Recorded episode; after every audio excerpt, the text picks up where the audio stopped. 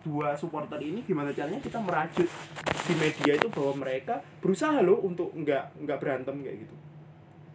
Kayak kayak gitu. Penonton damai. Iya, jadi apa ya istilahnya konstruktivis tuh memungkinkan jadi seorang jurnalis gitu. Jadi eh, kalian mungkin nonton apa ya nonton film jurnalistik kayak misalnya spot em, spotlight atau eh, ya spotlight terus yang Boston em, yang Bas- Boston Press itu apa Eh, itu juga itu eh, kelihatan banget jurnalis harus kritis dan sebagainya enggak enggak harus. Nggak harus. So kita coba untuk belajar bareng-bareng nanti di di di Unida kayak gitu.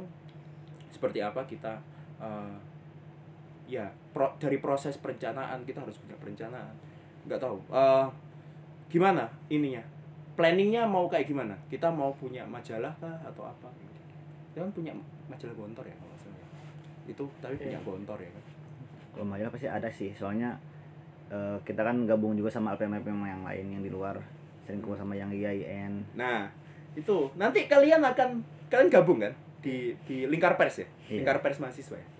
Nah, di lingkar pers kalian akan gabung dan mungkin karena ya itu apa sih tempatnya beda, Beda. karena tempatnya beda, kalian akan merasakan diskusi-diskusi yang kayak Hmm.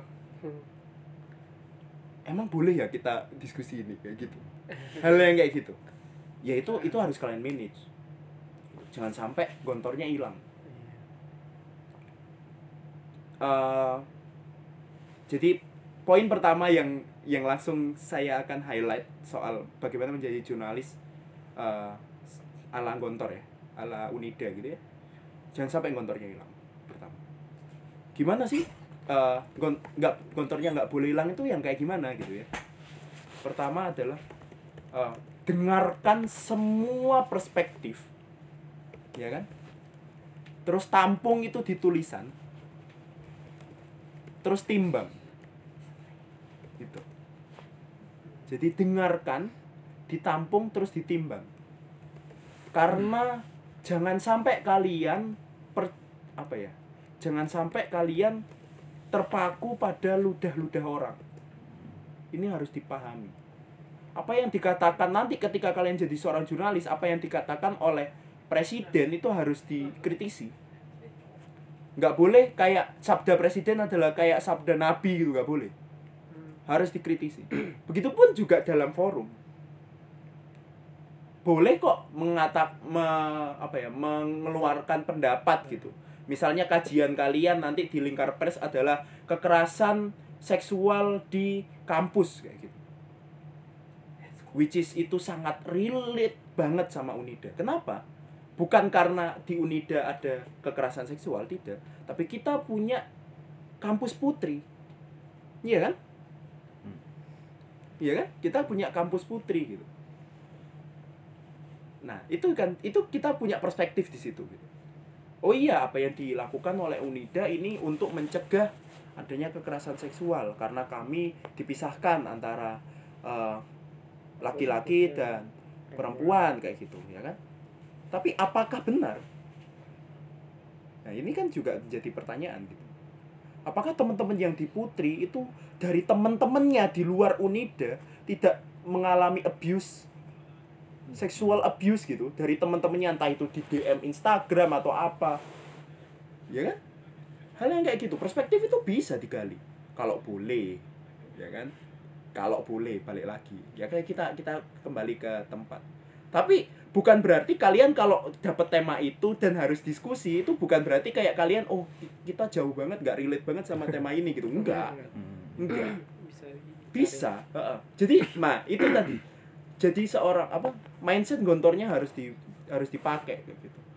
Karena saya tahu dari banyak orang bahwa eh, sebenarnya teman-teman teman-teman Unida itu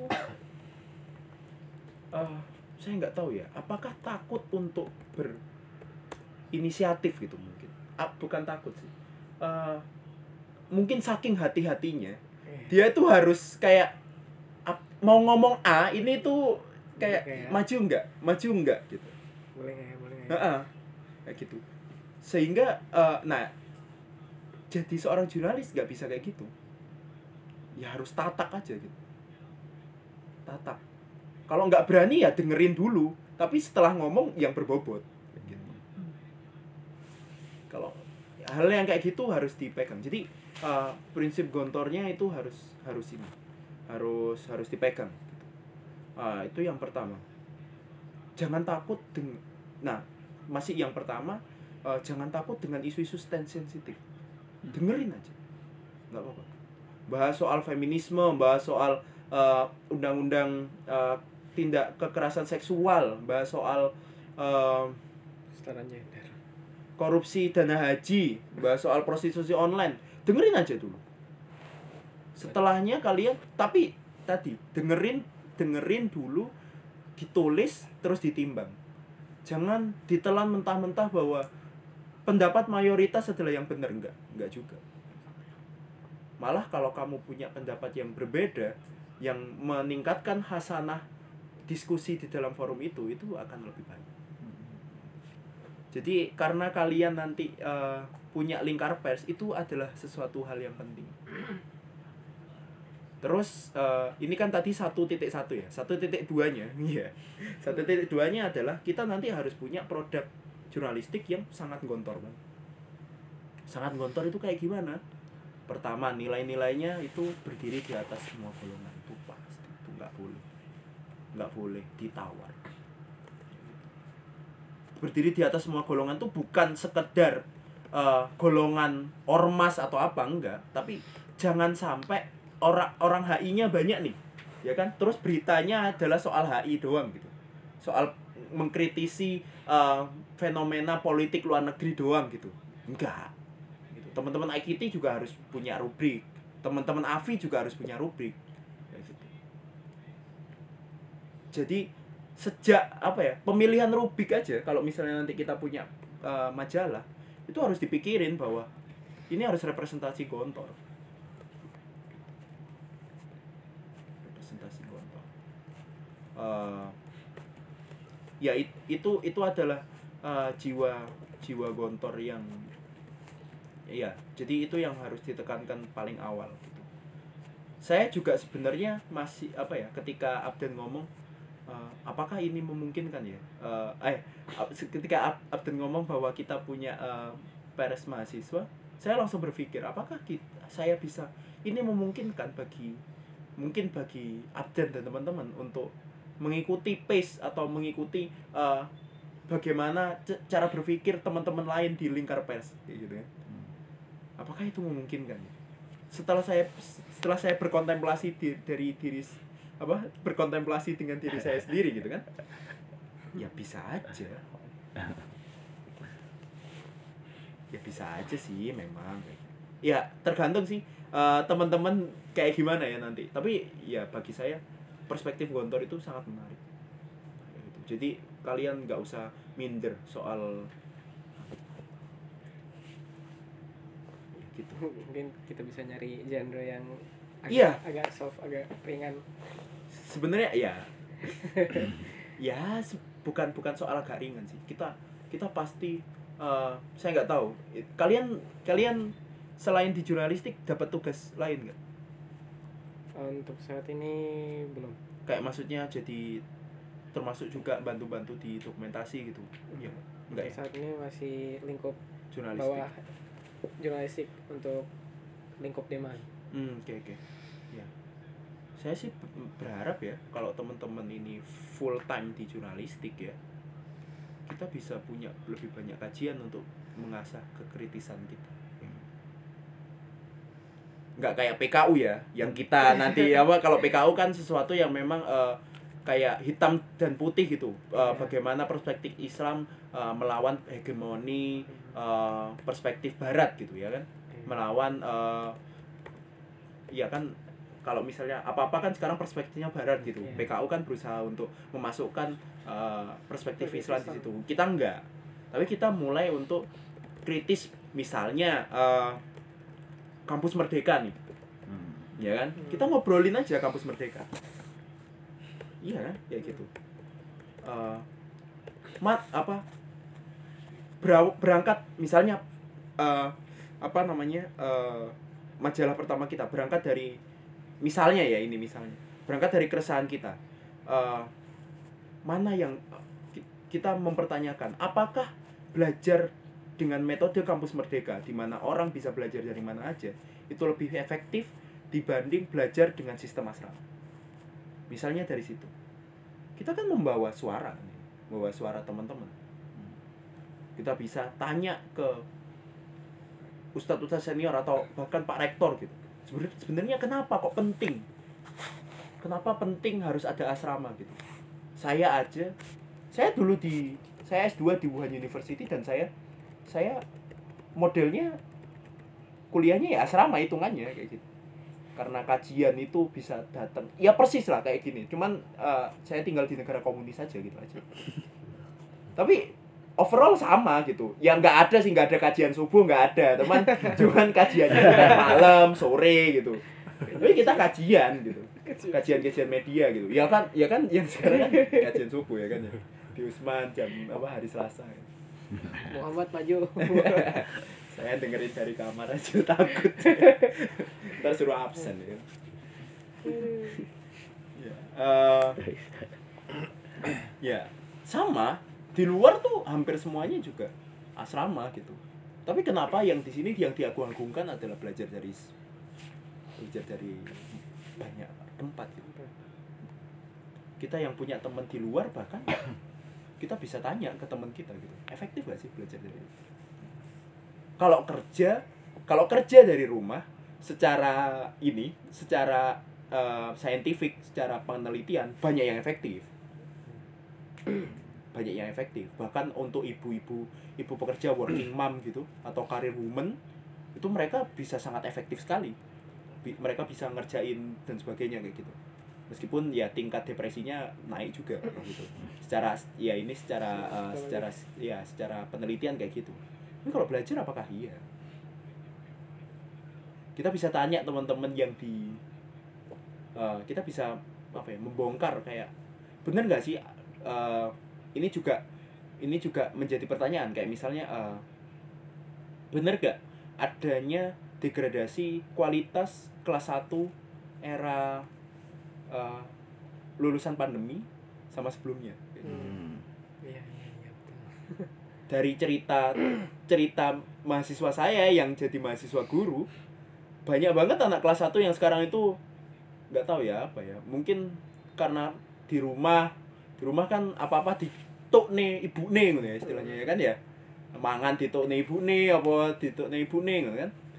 Ah, eh ini orang Jawa semua sih ya nanti ya semoga ngerti lah ya saya apa apa itu di difasilitasi oleh orang tuanya dan sebagainya. Terus ketika dia mondok ya adaptasinya akan lebih besar dan sebagainya. Itu itu masih nyangkut dengan belajar di mana saja dan belajar di asrama tuh sebenarnya eh, mana mana apa apa plus minusnya kayak gitu. Tapi kita juga nggak nggak menafikan bahwa belajar dari mana saja itu kita juga bisa wawancara orang-orang yang memang oh ternyata belajar dari mana saja itu membuka eh, membuka apa ya kesempatan untuk lebih banyak orang belajar misalnya kayak gitu misalnya eh, apa ya kayak kayak gitulah intinya Apa? bawa-bawa judul skripsi Nah, enggak enggak, tapi ini ini ini adalah perspektifnya kayak gitu. Eh, dari situ aja kita bisa mengolah gitu. Keresahan dari Merdeka Belajar sama belajar di asrama. Kesera, keresahan satu ini udah berapa tulisan yang kita bisa bikin gitu. Belum lagi yang lainnya gitu. Misalnya majalah pertama kita soal killing time di asrama gitu misalnya. Enggak apa-apa.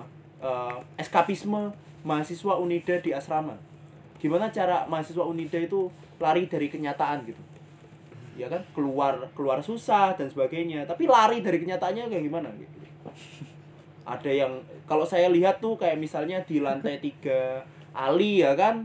Ada yang mojok dengan terus main ML berempat berenam eh berempat berempat gitu. Terus apa jenenge wis bu ngomong bahasa apa ya kan?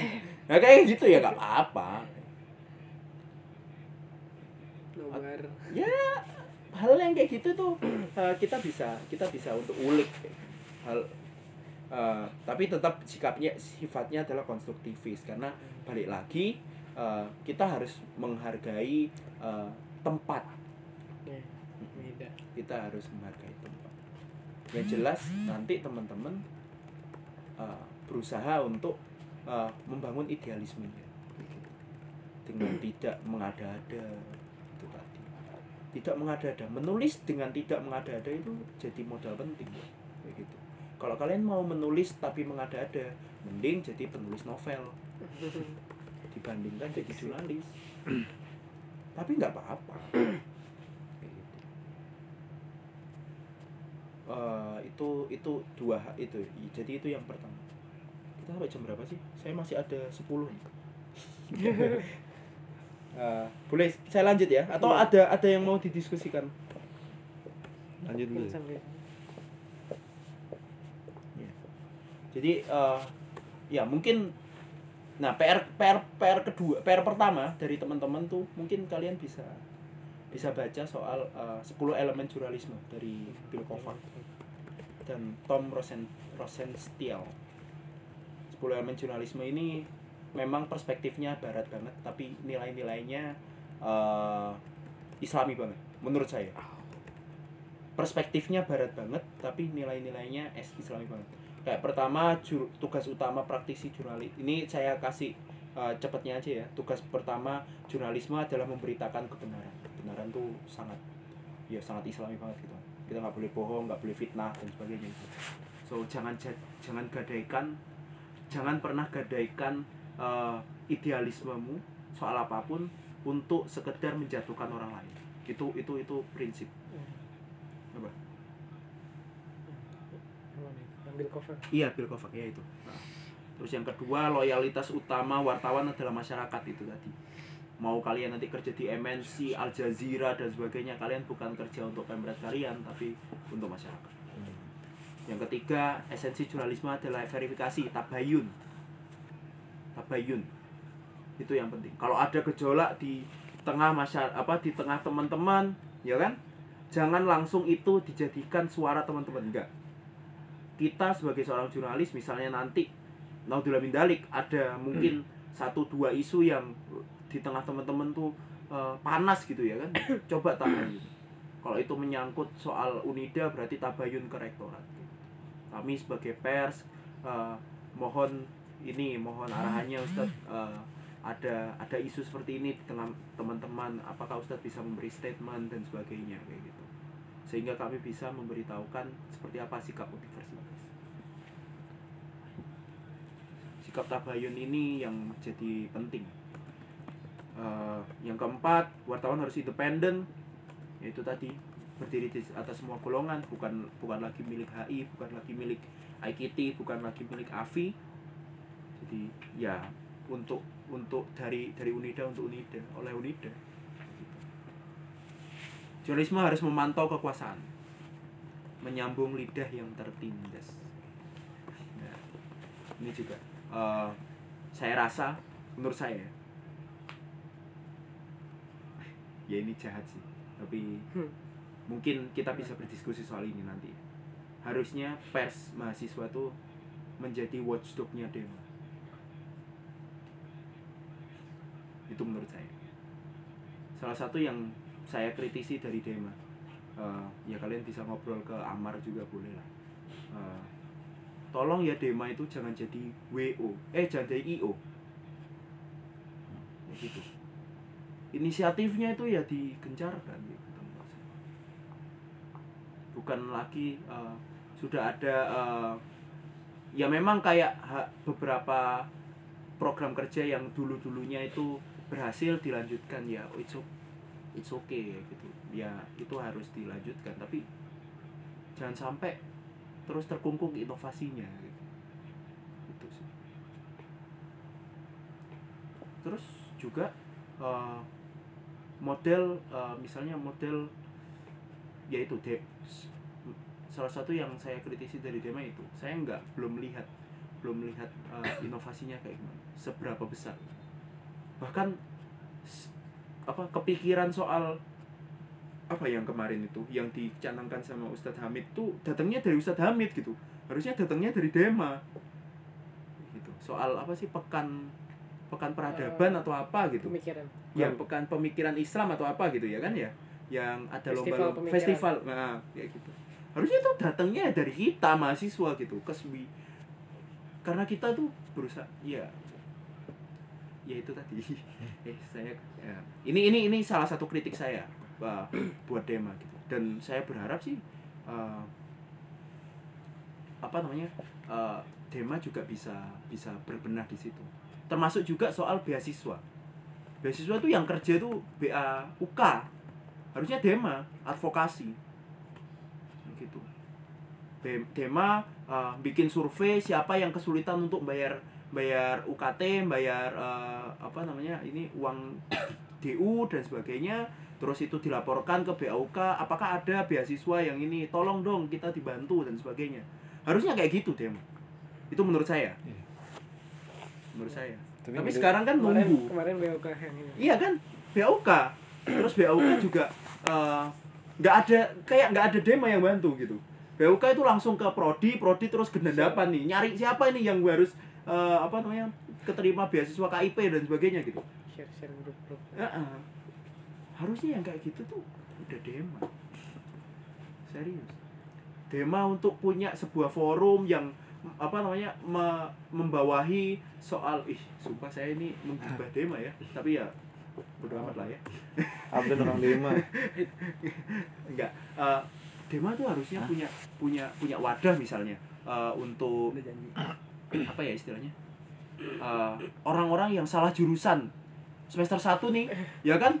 Masuk ke ilkom gitu kan terus kayak oh ternyata ilkom tuh freak banget ya jurusannya ya saya tapi dia bingung ini mau lapor siapa? gitu. Nah dema itu harusnya punya punya lembaga bahwa eh, ini nama ini eh, merasa salah jurusan dia pinginnya di sini apakah bisa dibantu? dan sebagainya. Harusnya wakil mahasiswa kayak gitu. Nah kita bisa memproses itu ke situ nanti berita-berita kita soal eh, yang kita nggak apa-apa mengkritisi diri kita sendiri kayak kontemplasi aja kayak gitu. Misalnya pemilu pemilu dema ternyata pers- partisipasinya itu eh, cukup rendah dan sebagainya gitu. Itu kita beritakan nggak apa-apa. Karena itu orang harus tahu bahwa oh ternyata seker apa sih mahasiswa Unida sama Unidanya sendiri kayak gitu. Hal kayak gitu. Itu kadang harus penting juga di- dilakukan atau kiprah dema di bem pesantren gitu. Se sepenting apa sekarang dema dema Unida itu di bem, di bem pesantren apakah nggak jadi apa-apa kayak gitu hal yang kayak gitu itu kan itu juga bisa itu salah satu bentuk mengkritisi kekuasaan so-soan ya dema punya kekuasaan kayak gimana gimana Kalau Ya. prestasi itu bisa ya izin dulu Seth. Iya. Kami ada janji dan. Gimana? Kalau persma itu bisa gak ngangkat tentang prestasi gitu? Karena kan oh ya bisa. kemarin kita kan sempat apa eh, ngobrol-ngobrol nih eh, orang-orang yang berprestasi di UNED ini kurang-kurang di up gitu. Expose. iya betul. Betul. Setuju saya. Saya aja baru ngeh. Ya, antum ikut Femgate ya sih? Ikut. banyak yang kayak juara. Devri ya kan? Hmm. Devri itu dia juara. Yang internasional. loh. Kayak gitu. Bahkan saya dosennya aja nggak tahu gitu. Iya. Hmm. hal yang kayak gitu aja. Eh, itu itu bisa kayak gitu. Dari situ mungkin ngomongin aja eh, Unida apa namanya misalnya kita mengkritisi soal itu Eh, nggak ada expose gitu nggak ada exposure. Siapa yang mau kita kritisi? Prodi? Hmm, ya nggak apa-apa kayak gitu. Hal yang kayak gitu. Tanya mah di- seberapa seberapa niat sih prodi untuk mendata sim card mawa ini kayak gitu. Hmm. tanya ke Ustadz Nusa Dewa gitu sim card mawa ini jalan nggak sih Ustadz? Kayak gitu. Oh ternyata enggak masalahnya di BAAK atau di prodi? Di prodi. Kita verifikasi ke prodi. Hmm. prodi ini gimana? Gini gini gini. Oh ternyata gini gini gini gini. Oh iya. Oh terbongkar satu. Maksudnya satu terurai lah. Satu satu yang dianggap permasalahan satu isu kayak gitu. Terus yang kedua mungkin eh, apresiasi gitu. Sebesar apa sih apresiasi eh, Unida ternyata udah cukup besar misalnya eh, jangankan eh, jangankan juara di luar gitu kan juara-juara yang kayak misalnya eh, maksudnya bukan juara sih pencapaian kayak misalnya tahfidz dan sebagainya itu kan udah punya apresiasi yang cukup besar di Unida. Ya itu adalah salah satu uh, bentuk apresiasi yang kita yang kita harus uh, highlight kayak gitu. Terus mungkin yang terakhir uh, yang berprestasi itu belum rata ternyata kayak gitu misalnya kita bikin sebuah uh, jurnalisme data apa kita mel- menerapkan jurnalisme data gitu bikin survei. Seberapa care kamu tentang prestasi dirimu gitu ya kan? Ternyata mayoritas dari sampelnya itu merasa uh, prestasinya apa? Ternyata nggak nggak penting-penting amat gitu sebenarnya lomba gitu kan ya. yang penting akpam tercukupi gitu misalnya. Hmm. ya nggak salah juga sih ya kan? Kan setiap orang punya punya punya pertimbangannya berbeda. Tapi ya itu tadi eh, segala hal segala isu yang menjadi keresahan itu kalau diobrolin bisa di breakdown untuk jadi banyak hal.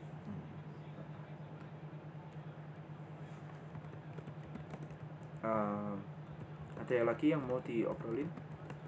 Terus yang keenam jurnalisme forum publik. Jadi itu bukan milik kalian ya. Jurnalisme itu forum publik jadi kalian harus siap juga ketika bikin berita kalian dikritik kayak gitu. Dan jangan takut untuk dikritik kayak gitu. Karena udah ada eh, udah ada jalurnya gitu kritik jadi nggak boleh menurunkan berita secara langsung gitu. Karena ini menyinggung ya udah menyinggungnya di sebelah mana? Kita bikinin berita klarifikasi kayak gitu. Berita yang kemarin nggak boleh diturunin. Gitu. yang ketujuh iya harus tetap yang tujuh jurnalisme harus mengikat memikat dan relevan. Jadi harus ada memikatnya yang ke-8 berita harus profesional dan komprehensif proporsional itu dalam artian nggak cuma kalau misalnya ini ngomongin soal konflik pertikaian dua belah pihak harus diwawancarai dan sebagainya sembilan eh, mendengarkan hati nurani jadi balik lagi ke Follow jadi kalau ya. misal ya eh, kalau misalnya merasa nggak berita ini layak atau enggak kayak gitu Eh, ngikutin kasus Vanessa Angel lah. Iya. Eh, beberapa beberapa pemberitaan tuh dihabisi sama teman-teman netizen karena mengungkap apa kembali membongkar aibnya Vanessa soal ini apa prostitusi online tuh pada saat itu yang 80 juta atau apa itu kan enggak kalau kita ngomongin balik ke hati nurani itu kayak nggak punya hati nurani si Iya. si wawancara apa si Ah, wartawannya jurnalis. jurnalisnya Parah. terus ya tahu soal hak dan kewajiban etika jurnalistik dan sebagainya itu kalian harus baca sendiri. Jadi ya intinya eh, nilai kontornya harus tetap. Yang kedua eh, coba baca 10 hal ini sehingga kamu tahu batasan-batasan kayak gimana sebenarnya hidup sebagai seorang jurnalis. Entah nanti kamu lulus menjadi apa pun ya seorang dai atau apa pun jurnalistik tuh bagi saya lebih besar daripada sekedar alat. Balik lagi ih repot-repot loh harusnya kan limo Nyapot Yus. Oh, cus, cus. repot-repot loh masya allah iya iya iya Subhanallah. jadi eh ya Topik malu-malu topiknya. sini lo pik Gak tak ya. Sini aku. oke eh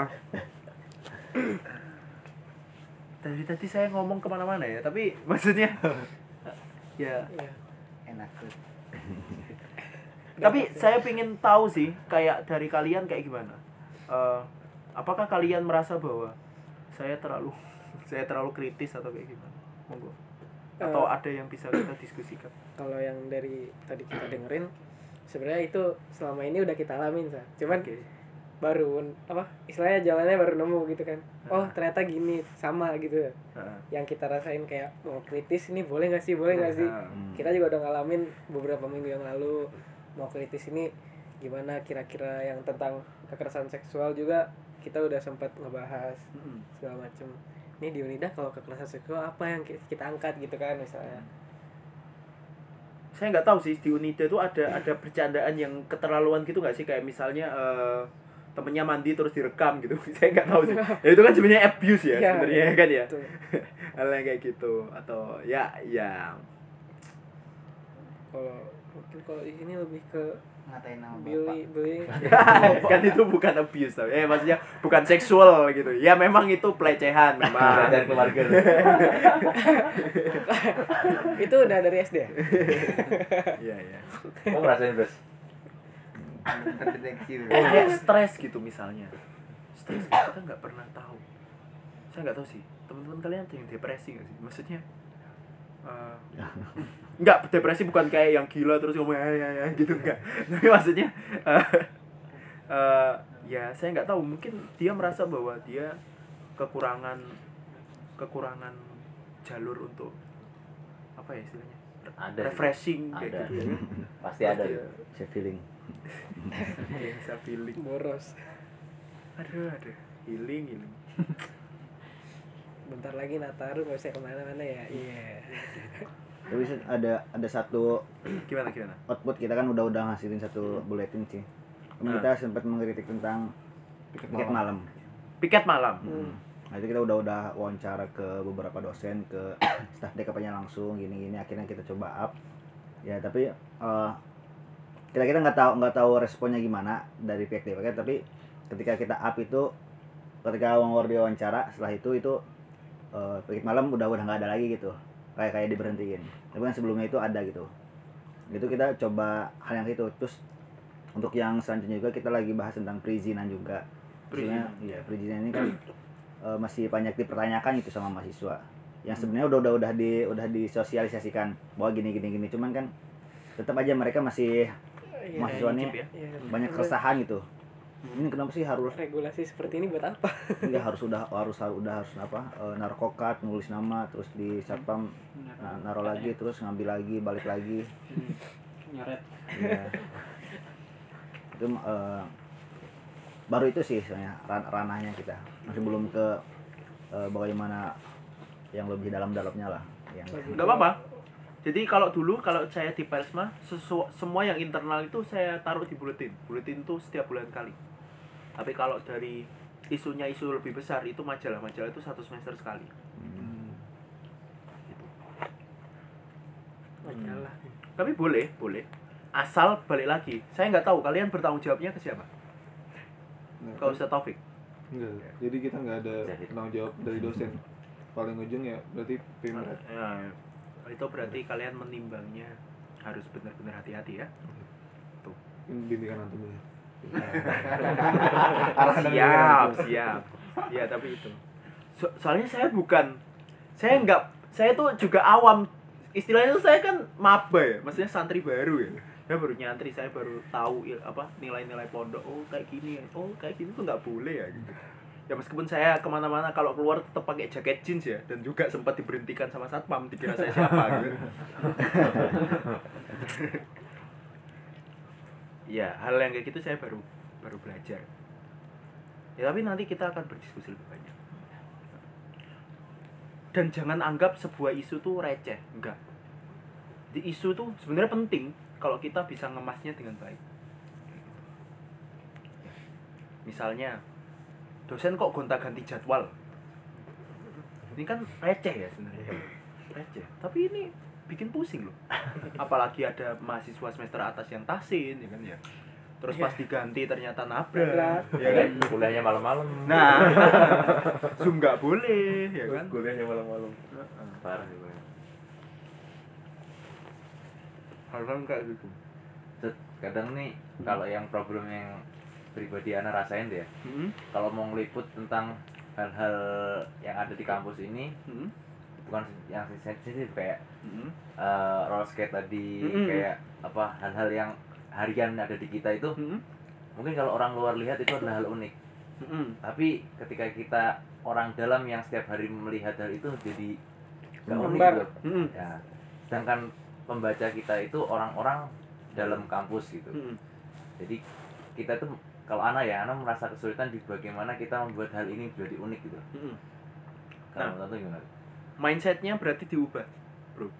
Eh siapa jenenge Han? Mawardi. Mawardi.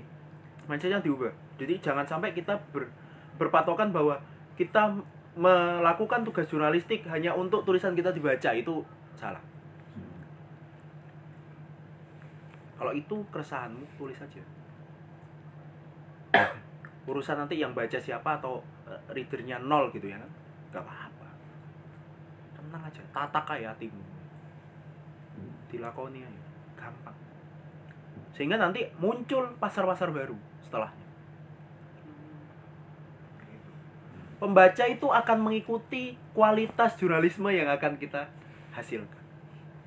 Pembaca itu akan mengikuti.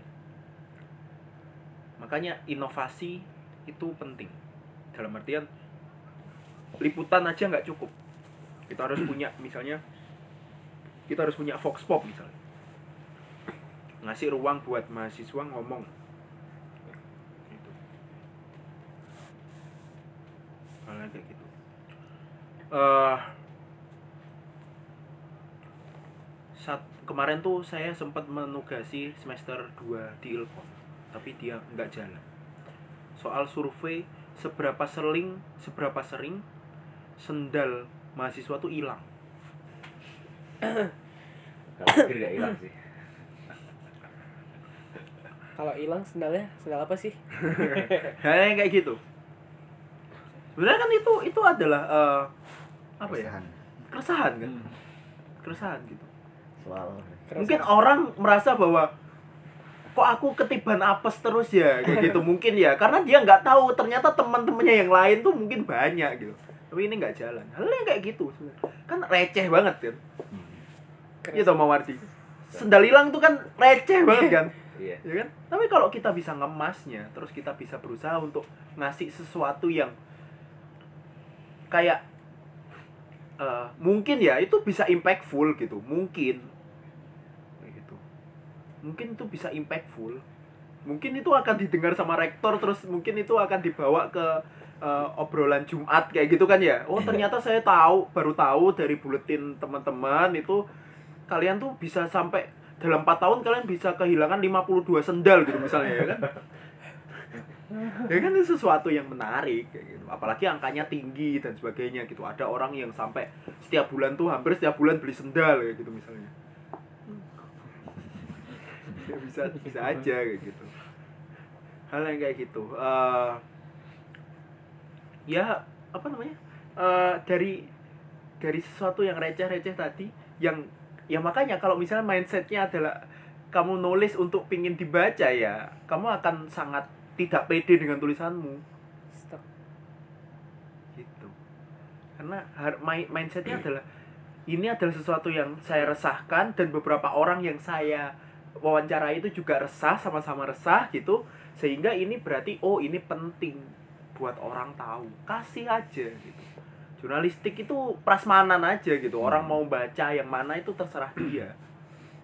Kayak gitu. Bahkan bagaimana orang me- menangkap pesan itu itu terserah dia. Kita nggak bisa.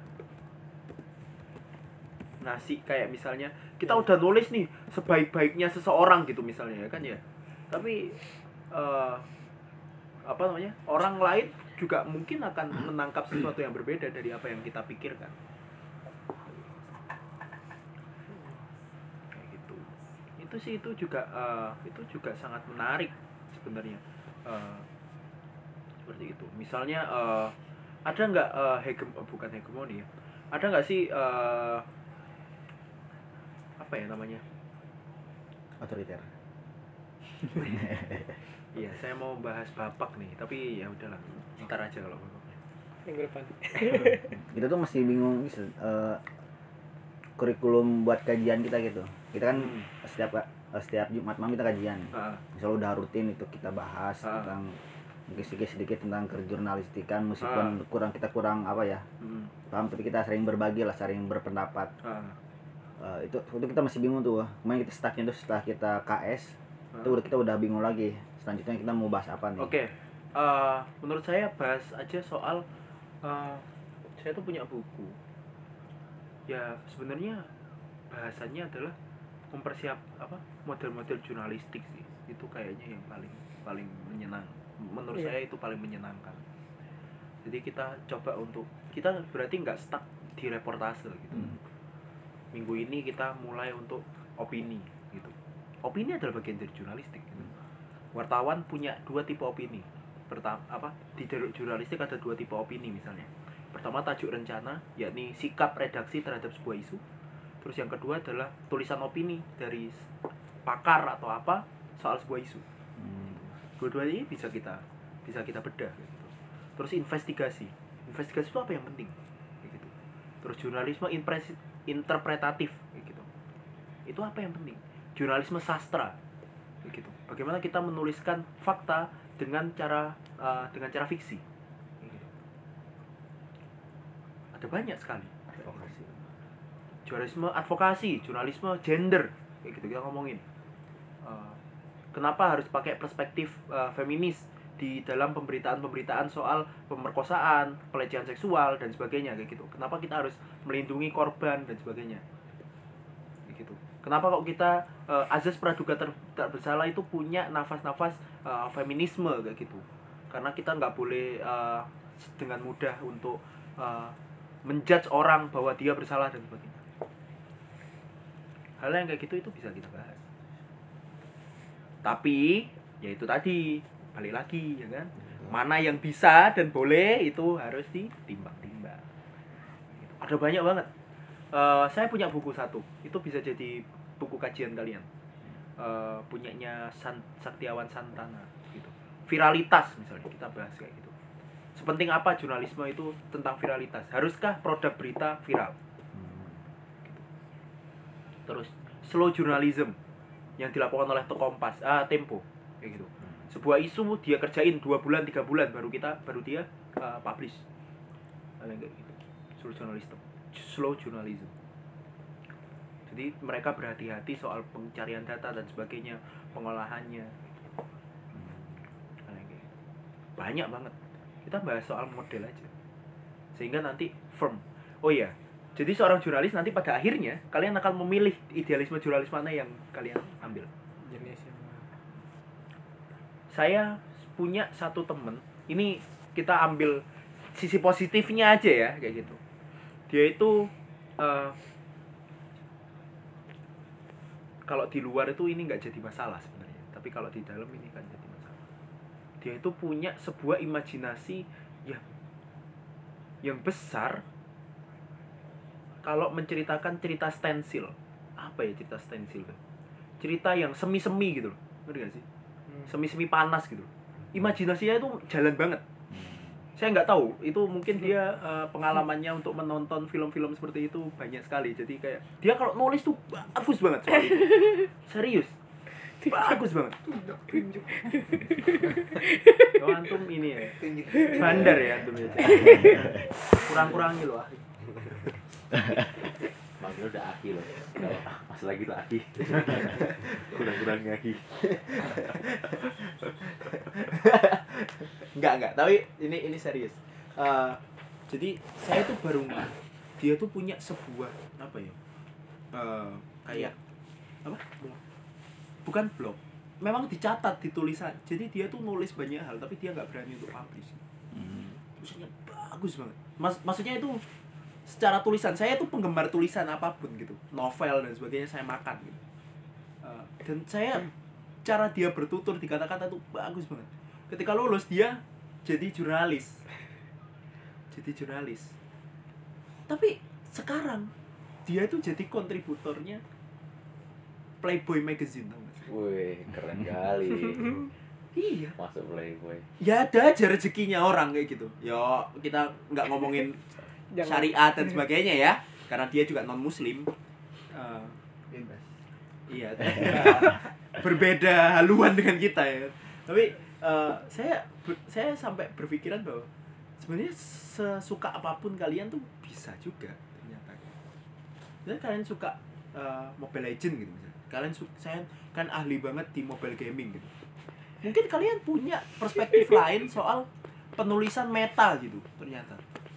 Kalian tuh soal analisis bagus banget gitu. Nonton apa? Lu iya, ada beberapa orang yang seperti itu. Teman-teman saya yang suka yang Chess. suka ini apa namanya? Yang suka eh, football manager. Itu dia penulisan review pertandingannya akan lebih bagus gitu karena dia tahu trequarista, eh, regista dan sebagainya kayak gitu, peran-perannya gimana kalau di Liverpool misalnya gimana eh, Sadio Mane dan sebagainya gitu bertukar peran sama Jota dan sebagainya kayak gitu. Dia sangat luas nulisnya. Hal yang kayak gitu. Begitupun dengan kayak misalnya di apa? Ada juga beberapa orang yang yang suka main Mobile Legend, dia ketika ngobrol ya ini bagus banget tulisannya. Eh, ketika memberitakan soal meta, dia bagus banget tulisannya. Kayak gitu. Suka PUBG gitu kan ya. ketika dia analisis game apa namanya uh, uh, PMGC gitu kan ya dalam satu match tulisannya sangat bagus kayak gitu bagaimana BTR menaklukkan Erangel dalam uh, 16 pertandingan terakhir dia nggak pernah kalah apa dia nggak pernah tereliminasi 10 besar dan sebagainya kayak gitu dia punya apa ya punya sense gitu kayak punya sense jadi jangan jangan sampai teman-teman itu men- mendegradasi menurunkan dirinya bahwa oh kayaknya aku nggak bisa deh nulis. Bisa. Iya, oke. ada yang suka masak gitu pas nulis resep bagus banget. Dan resep itu bisa masuk dalam jurnalistik kayak gitu. Ada yang suka makan dia juga bisa jadi reviewer makan. Hal kayak gitu. Tekstur. Ah, kayak gitu Eh, bisa banyak banyak hal banyak hal yang bisa. Dan itu mungkin dari dari kesenangan kesenangan kita munculnya. Ya itu itu mungkin yang bisa nanti kita kita obrolin di kajian. Mungkin kalau kalian undang saya saya akan datang eh, di kajian saya. Ya basicnya karena saya suka ngomong aja sih. Jadi eh, saya butuh tempat untuk ngomong. Enggak. Enggak enggak. Tapi eh, senang saya sebenarnya. Senang karena jurnalistik nih bagi saya penting teman-teman. Jadi apa pun kalian ya tadi jadi apa pun kalian kalian kalau udah kenal sama jurnalistik kalian saya rasa kalian akan terbantu untuk me- ya itu tadi. Berada dalam koridor-koridor yang baik. Kayak gitu untuk menempatkan diri verifikasi dan sebagainya. Nggak langsung percaya sama orang nggak langsung percaya berita hoax kayak gitu. Nggak langsung percaya apa apa apa bisa untuk mengkontrol emosi ketika ngomong sama orang yang nggak ngerti tapi ngegas dan sebagainya. Itu ya seorang jurnalis belum Udah tentu orang-orang yang biasa akan betah. Udah biasa lihat di kolom komentar. Kayak gitu. Mulai kayak gitu. Itu itu eh, itu kem, apa ya? Ya itu yang saya dapat sih. Jadi kalian punya bulletin tiap bulan? Eh, Dua minggu sekali. dua dua minggu sekali seharusnya. Dua minggu sekali? Ada waktunya ya? Maksudnya kalian punya bisa bagi waktunya ya kalau dua minggu sekali ya? Buletinnya cuman Ber- satu isu? Empat empat empat halaman ya. Empat halaman. Berapa isu? Berapa tulisan? Eh, kalau misalkan isu yang ininya mungkin tulisannya mungkin ada 4 sampai 5 empat sampai lima tapi eh, isunya satu. Iya, Isunya- isu utamanya isu Ya, pentingnya isu utamanya satu. Terus apa aja isinya isu utama satu isu berarti utama satu? Iya. rubrik rubrik rubriknya prestasi apa aja prestasi oke terus sama berita-berita seputar kedemaan oke Ba- baru ini Iya. baru itu tiga Oke, berita soal kedemaannya. Ya sih penting juga kalian untuk. Jadi kalau kalian udah jadi jurnalis juga eh, peraturan-peraturan baru itu harusnya kalian bantu untuk sosialisasikan. Gitu. Jangan sampai dema atau bapak marah-marah dulu. ya. Karena tapi sekarang udah udah mulai mereda ya menurut saya. Nggak lagi ada suara-suara toa gitu hmm, yang membuat Usman seperti penjara Soviet. selasa aja Enggak, Selasa kemarin diketokin satu-satu Oh, kalau iya. nggak salah. Iya. alhamdulillah kemarin Iya kan? Diketokin Iya. satu-satu kan? Iya. Ayo Yit, bangun Yit, subuh Yit. Iya. Ya. apakah kamu mendengarnya? Bangun dia kan. Nunggu diinjek-injek dia baru bangun nggak, Pik? paling awal kan awal dia awal. Dia nggak tidur aja iya. Yang awal. Paling awal. Harus Ntar tidurnya habis ini ya, habis kajian ya. pernah tidur pagi kan Ya wes. ngepus siang topik tuh Astagfirullah. Ya gitu. Ya kayak gitulah. Eh, ya kita coba untuk jadi konstruksi diri kita, konstruksi eh, iklim Unida untuk lebih eh, lebih positif dan sebagainya. Ya kita terapkan aja jurnalisme positif kayak gitu. Prestasi kita cari, lomba kita coba untuk kabarkan ke teman-teman. Terus ke- kemungkinan-kemungkinan apa namanya eh, uh, exchange dan sebagainya kita coba untuk cari uh, kita kabarkan ke teman-teman kayak gitu penyambung lidah rakyat lah. Hmm. udah kelar tuh sudah menang sorry Zat. Lih? satu sama ya Yu Anjing, sedih lagi. masih ada flag kedua tetap aja sedih Iya. Eh, apa lagi yang bisa kita obrolin? Kan ada yang mau ditanyain Oh. seputar yang tadi dibahas. Nanti kita kalau misalnya saya sempet juga mungkin kita akan belajar banyak hal soal pen- menulis kali ya. Iya. Eh, copywriting misalnya atau eh, populer artikel gitu. Kita coba untuk eh, kalau Praktek. di ya kalau di pengalaman saya kan saya sempat ini saya sempat belajar beberapa bulan di apa, bareng sama gimana sih caranya review musik Hmm. gitu kalau kita dengerin musik tuh nggak cuma iya dengerin gimana aja ya gitu ya reviewnya kayak gimana ya tapi itu akan perlu waktu lama sih Iya. apalagi kalau kita nggak ngikutin eh, apa namanya sosok itu gitu misalnya Bruno Hmm. Mars di awal dia muncul ya, eh, kemarin. sampai sekarang Pamungkas. Pamungkas ya kan Pamungkas Eh, sekarang belum ya. belum ada ini ya Belum belum ada ya. baru. album baru? Iya. belum ada Itu Eh, apa apa yang bedain dia sama Fish misalnya kayak gitu Oh ya. Nah, gitu.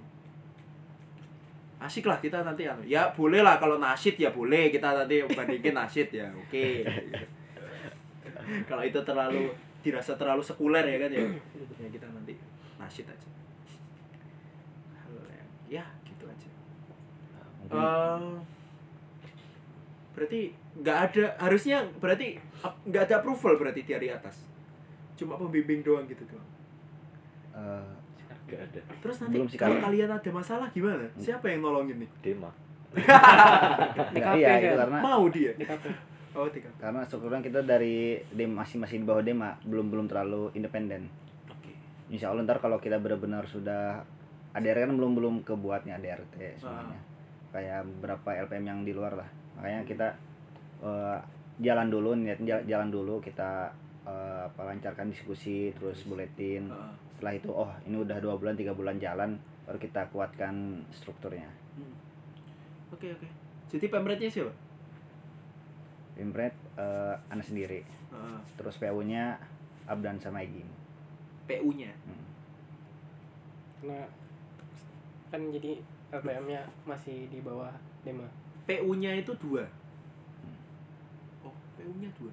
ya jadi eh, LPM-nya ini kan- kan di kan Dema kan ada departemen Mm-mm. nah ini di bawah departemen publikasi jadi istilahnya kita lembaga pers ini jadi tangan kanannya publikasi ini Mhm. dalam membantu Kalian dapat ini enggak? Channel apa aja? Ini selain buletin dapat website. Website ya Kita lagi oh ya bangun WFP juga. Pengen lagi website apa? juga ya Nanti Lagi- ada. Ada. Sama Instagram juga. Oke. Oke. oke. Ya. Eh, Instagram terus website. ya Instagram website Berarti produknya nggak cuma ini ya, nggak cuma grafis sama tulisan. Video juga nggak? Eh, video Insya Allah sih. Ada, ada yang bisa. Oh ada Iya. topik kok. di Sama. Ini ini berarti ya. Palpale palpale ya. Ini bisa berat. Video-video jurnalis itu kayak ini ya, POA, newsroom, Belbet bebas sih, bebas. bagus ya. Mau kayak narasi boleh, tirto gitu misalnya. Atau eh, mau kayak eh, mau kayak ya kayak apa? Asumsi boleh. Mau Asumsi.com. kayak ya banyak banyak banyak sih banyak yang bisa mau kayak Al Jazeera boleh. Oh. yang bagian apa kayak misalnya memvisualisasikan la- laporan tulis gitu laporan teks boleh. Pakai jedak jeduk ya boleh. Kan Topik. antum- iya ahli ya jedak jeduk foto orang lagi ngaji kajian subuh. Kayak gini gini baik baik Allah ya Allah kok antum nih jurnalis gak gak masuk. Nggak masuk gak kelas. cocok baik baik iya cocok. Cocok ya Allah. Afi ganti Afi. Ya udah. masih ada waktu. Ya ya Eh, mungkin untuk malam ini itu aja sip. singkatnya kita udah dapat ini eh, apa ya haluan lah Ah. buat kita. kita ini sebenarnya arus jurnalisnya ke mana sih? Ah. kita ma- masih sih ah, kita jangan kita kalau kemarin kata Igim tuh eh, apa berapa game 60 keluar eh 30 ke dalam 70 keluar gitu. Karena kita kan tadi takut-takut gitu gimana. Iya. ntar ntar kalau mungkin tadi kan kita udah udah dapat beberapa pencerahan lah kita bukan hanya fokus ke kritik aja lah. Gimana gimana kampus kita juga bisa hal-hal keseharian kita tadi kan yang main roller skate itu bisa Iya. Dapur hamam. Ini aja, pokoknya konstruktif, konstruktif aja. Konstruktif. Dan tetap megang nilai gontor gitu. Kalau kamu merefleksikan bahwa gontor, jadi bukan takutnya. Hmm. Tapi soal kalau kamu merefleksikan ini tidak bertentangan dengan nilai gontor, aja. Di luar tuh banyak banget yang cipta kerja lah dan sebagainya. Sesuatu yang memang dekat sama kalian, orang tua kalian dan sebagainya. dan, dan juga nanti bakal eh, ngobrol banyak juga apa supaya kita nanti eh, mungkin anak sama Abdan bisa ngobrol bareng sama antum menyusun kurikulum jadi ntar Boleh? ketika minggu-minggu depannya kita ada diskusi jadi Boleh. sudah sudah bisa ngasih apa ya bahan lah oh minggu ini kita mau bahas ini misalnya jadi nggak nggak dadakan lah Iya, iya, betul, betul. Boleh, boleh, boleh. Eh, saya sangat terbuka sekali dengan yang kayak kayak gini. Eh, actually, it's, it's such an honor for me. Jadi ini ini juga sebuah merasa tersanjung dengan dengan kalian mau menghubungi saya gitu. Ya, pers- mungkin perspektif saya yang non KMI ini bisa mem, Iya. ya bisa menambah hasanah kalian dan saya juga bisa belajar dari kalian soal perspektif-perspektif yang lebih gontori Saling melengkapi. iya betul karena ya itu tadi karena saya lahir lebih dulu aja Iya. toh kita juga selisih paling nggak sampai 10 tahun Mas Ari 10 tahun. ya, dia guardian itu Itu gede. yang paling tua berapa antum mewardi usianya Eh, 45. Oh. berapa Mawardi? 2001 Aku 21. selisih 4 tahun kita nggak ini nggak jauh lah ya emang antum berapa ini dua tiga dua tiga 20 kan Katanya 24.